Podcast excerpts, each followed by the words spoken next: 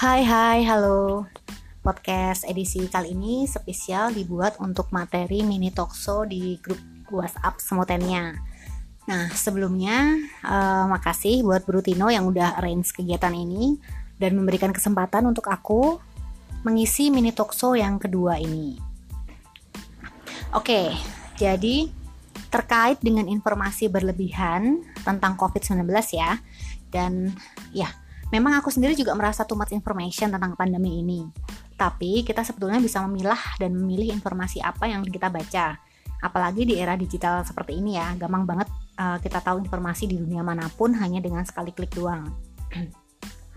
Oke, jadi aku akan memulai dalam proses pembuatan uh, sebuah berita atau karya jurnalistik. Jadi, seorang wartawan itu harus melakukan wawancara dan klarifikasi secara terperinci sebelum menuliskan sebuah artikel. Nah, artikel ini harus benar-benar sesuai dengan fakta yang ada di lapangan.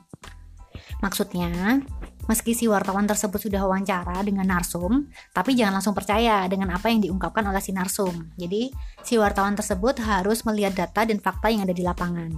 Jadi, makanya tuh kadang wartawan tuh uh, harus jeli dalam melihat suatu peristiwa wartawan juga bukan humas atau PR suatu lembaga ya. Jadi memang uh, wartawan memang harus dibekali dengan data fakta yang dia temukan di lapangan, kemudian baru dia uh, klarifikasikan ke narasumber. Jadi kadang wartawan memang harus mencari sesuatu dari yang terburuk sekalipun. Misalnya nih kalau terkait COVID ya datanya harus valid, narsumnya juga harus yang terverifikasi. Maksudnya adalah narasumber yang benar-benar terpercaya dan dia memiliki um, latar belakang yang sesuai gitu. Misalnya kita mau ngomongin tentang dampak uh, psikologis ya otomatis harus wawancara ke psikolog atau psikiatri. Terus kalau misalnya nih uh, mau wawancara tentang data-data terkait COVID, nah otomatis juga harus wawancaranya juga harus ke dinas kesehatan misalnya atau gugus uh, ketua gugus COVID-nya kayak gitu. Nah kemudian artikel atau video dari wartawan tersebut uh, dimasukkan ke dapur redaksi. Nah, di dapur redaksi ini berita tersebut dipilih dan dipilah oleh redaktur atau editor. Jadi uh, dipilihlah mana yang terbaik, mana yang enggak, tapi penting atau menarik kayak gitu. Jadi sebuah berita itu bisa dikatakan baik jika memenuhi kriteria. Ada beberapa lah kriterianya. Nah, kalau di tempat kerjaku ini ada yang namanya rukun iman Jawa Pos. Jadi itu ada sekitar 14 item yang menyatakan berita itu layak dimuat. Nah, mungkin aku akan kasih beberapa ya. Dan ini sebenarnya di googling pun bisa gitu. Jadi ada namanya timelines, peristiwa yang baru aja terjadi. Kemudian uh, sebuah peristiwa yang aktual. Kemudian premin, uh, prominence atau berhubungan dengan ketokohan.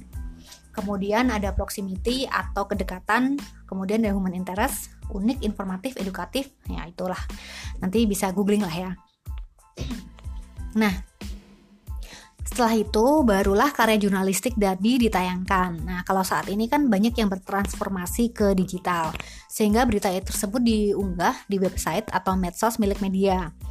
Nah, terus nih ya, yang sedikit uh, menjadi perdebatan di kalangan para pelaku media mainstream adalah clickbait, di mana judulnya itu waton gitu loh kelihatan banget padahal isinya ranah hubungannya sama sekali dengan tulisan di artikel itu kayak gitu. Nah, kenapa sih itu bisa terjadi gitu kan pertanyaannya? Ya karena mereka butuh viewer. Jadi sebuah media itu bisa hidup dan berkembang dengan pembaca gitu. Tanpa membaca mereka nggak akan bisa apa-apa gitu. Karena pembaca itu juga akan menentukan nilai iklan yang istilahnya materi iklan atau biaya iklan yang bisa dipasang di media tersebut gitu. Nah, media ini hidup dari iklan dan penjualan koran. Nah, kalau misalnya media online ya berdasarkan viewer gitu. Karena kita kan juga ada pasang AdSense segala macam gitu. Nah, tapi kami sendiri nih pelaku media mainstream juga saat ini tuh tengah memerangi para pemuja clickbait ini gitu. Selain itu, di Radar Jogja, di tempatku kerja, juga mengkampanyekan slogan Bad News is not a good news anymore. Soalnya media kan juga punya peran dalam mengedukasi masyarakat atau pembacanya untuk tetap berpikiran positif tuh. Nah, eh, media itu juga punya kewajiban juga untuk bagaimana sih menebarkan energi baik ke pembacanya. Kenapa? Ya hidup kan butuh motivasi yang baik kan ya. Gitu. Nah, terkait tema saring sebelum sharing ini, hmm, aku menyarankan teman-teman untuk tabayun ya. Dalam arti mencari penjelasan dan pemahaman. Maksudnya adalah jangan lelah untuk mencari berita atau artikel pembanding.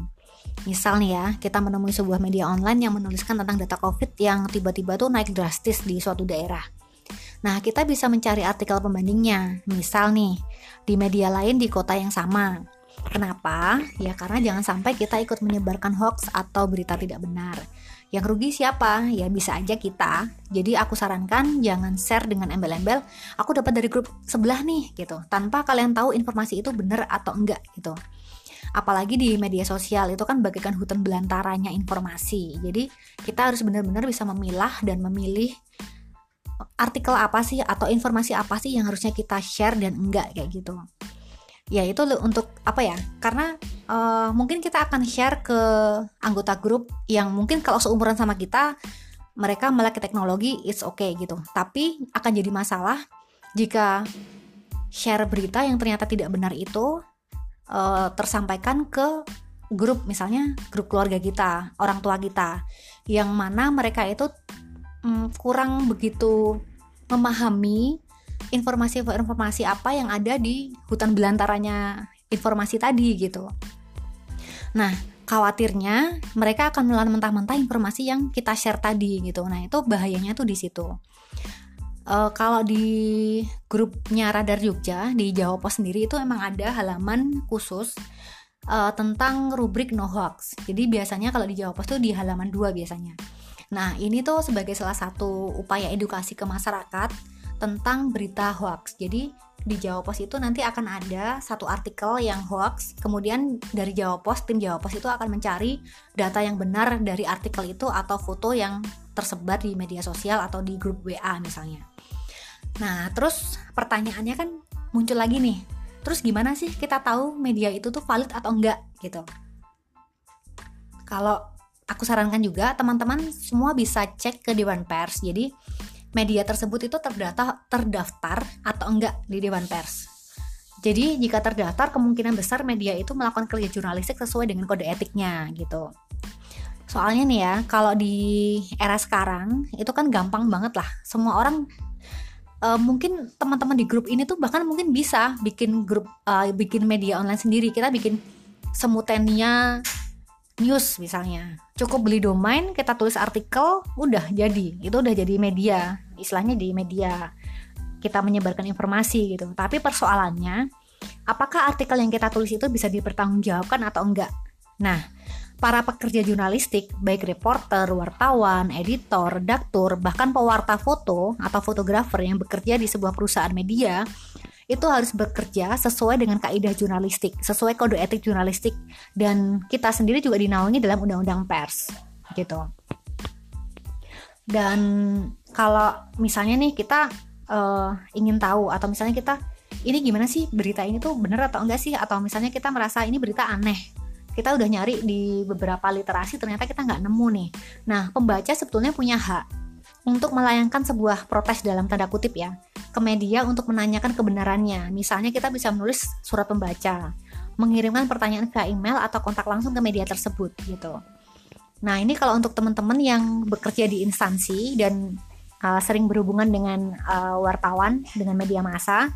Nah, itu kan kadang uh, kadang ada berita yang mungkin dirasa uh, kurang tepat gitu yang menyangkut uh, instansi kalian gitu kan. Nah itu kalian bisa melakukan um, apa ya istilahnya kayak mengajukan uh, protes gitu. Tapi uh, sebutannya itu adalah hak jawab atau hak klarifikasi. Jadi kita bisa mengirimkan atau mengajukan hak jawab dan hak klarifikasi ke media tersebut alih-alih melakukan somasi gitu. Jadi uh, hak jawab atau hak klarifikasi ini adalah uh, hak seseorang atau sekelompok orang untuk memberikan tanggapan atau sanggahan terhadap pemberitaan berupa fakta yang merugikan nama baiknya gitu. Nah, jika hak jawab ini tidak diberikan oleh si media tersebut, barulah kirim somasi. Nah, somasi ini kemudian kita kirimkan pula salinan somasinya ini ke Dewan Pers gitu. Nah, nanti prosesnya itu akan melalui Dewan Pers gitu. Nah, biasanya jika ke ranah hukum nanti akan menggunakan undang-undang pers. Jadi kita tidak menggunakan KUHP. Nah, tapi persoalannya beda kalau misalnya yang dipersoalkan itu masuk ke ranah media sosial. Biasanya undang-undang yang dipakai adalah ITE. Nah, makanya kenapa media online itu harus terdaftar di Dewan Pers? Karena saat ada sengketa pemberitaan, sengketa di pengadilan, saat media tersebut terdaftar di Dewan Pers, maka undang-undang dipakai adalah undang-undang pers, bukan undang-undang ITE atau KUHP kayak gitu. Nah, makanya ini penting banget untuk misalnya teman-teman punya keinginan untuk membuat sebuah media online. Nah, itu bikinlah sebuah perusahaan CV atau PT yang kemudian didaftarkan ke Dewan Pers dan dipelajarilah kode-kode etik yang ada, kaidah jurnalistiknya seperti apa. Nah, barulah itu bisa jadi sebuah media yang terpercaya dan valid kayak gitu. Kemudian apa ya? Oh ya, jadi uh, misalnya nih teman-teman nih terkait pemberitaan di media massa, koran, radio, televisi atau online itu misalnya apa ya tadi um, di grup tadi aku sempat baca uh, permintaan untuk menuliskan sebuah iklan gitu kan ya. Nah kalau di koranku sendiri atau di tempat kerjaku aku bilang di tempat kerjaku ini ada online ada digital gitu. Nah um, aku sekarang pegang di digitalnya jadi di digital itu uh, aku membagi beberapa divisi. Jadi selain news dan konten kita juga ada creative and production gitu. Nah, creative and production ini biasanya yang berhubungan dengan uh, periklanan gitu. Misalnya nih um, terkait sebuah apa ya proses pembuatan uh, iklan baik iklan video ataupun iklan display kayak gitu ya. Nah itu nanti akan ada prosesnya. Jadi prosesnya itu membutuhkan sebuah apa ya tim kreatif kreatif gitu. Nah, biasanya untuk iklan tertentu itu memang ada prosesnya tuh brainstorming dulu dengan klien, kemudian dibuatlah desain atau artikelnya, baru kemudian muncul iklan tersebut kayak gitu. Nah, kalau teman-teman sendiri nih, misalnya kalau misalnya bikin iklan dengan tulisan gitu gimana sih kayak gitu kan. Nah, mungkin aku sarankan aja untuk pembuatan judul itu jangan lebih dari 9 kata. Kenapa? Yaitu kepanjangan. 9 kata itu uh, udah uh, maksimalnya sih kalau menurutku idealnya itu kalau misalnya kita hmm, pakai apa ya kita bikin poster kemudian kita akan menggunakan kata-kata itu untuk judul itu idealnya di 5 sampai 7 kata. Itu paling ideal. Jadi 9 itu udah terlalu panjang kayak gitu. Jadi uh, singkat, padat, jelas dan menggelitik. Nah, biasanya itu yang aku sarankan ke tim produksi dan tim kreatif yang membidangi iklan kayak gitu. Um, Oke, mungkin itu podcast kali ini. Semoga bisa memberikan gambaran tentang kerja media massa. Kalau misalnya nanti teman-teman di grup uh, Semutenia masih penasaran dengan uh, berita tuh apa sih yang bisa disebut berita itu apa kayak gitu. Uh, ada apa jenis-jenis beritanya tuh apa gitu kan ada hard news ada soft news kemudian ada feature atau box misalnya atau misalnya um, kalau aku ditemui oleh wartawan nih tapi wartawannya itu nggak nggak bawa ID card. Terus aku harus apa misalnya kayak gitu. Nah itu mungkin bisa nanti uh, teman-teman bisa memanfaatkan di jendela jawab ya yang sudah disediakan. Nanti akan aku jawab di jam tiga, uh, jam 2 sampai jam 3 nanti akan aku jawab. Oke sekian dulu podcast edisi mini talkshow semutenia.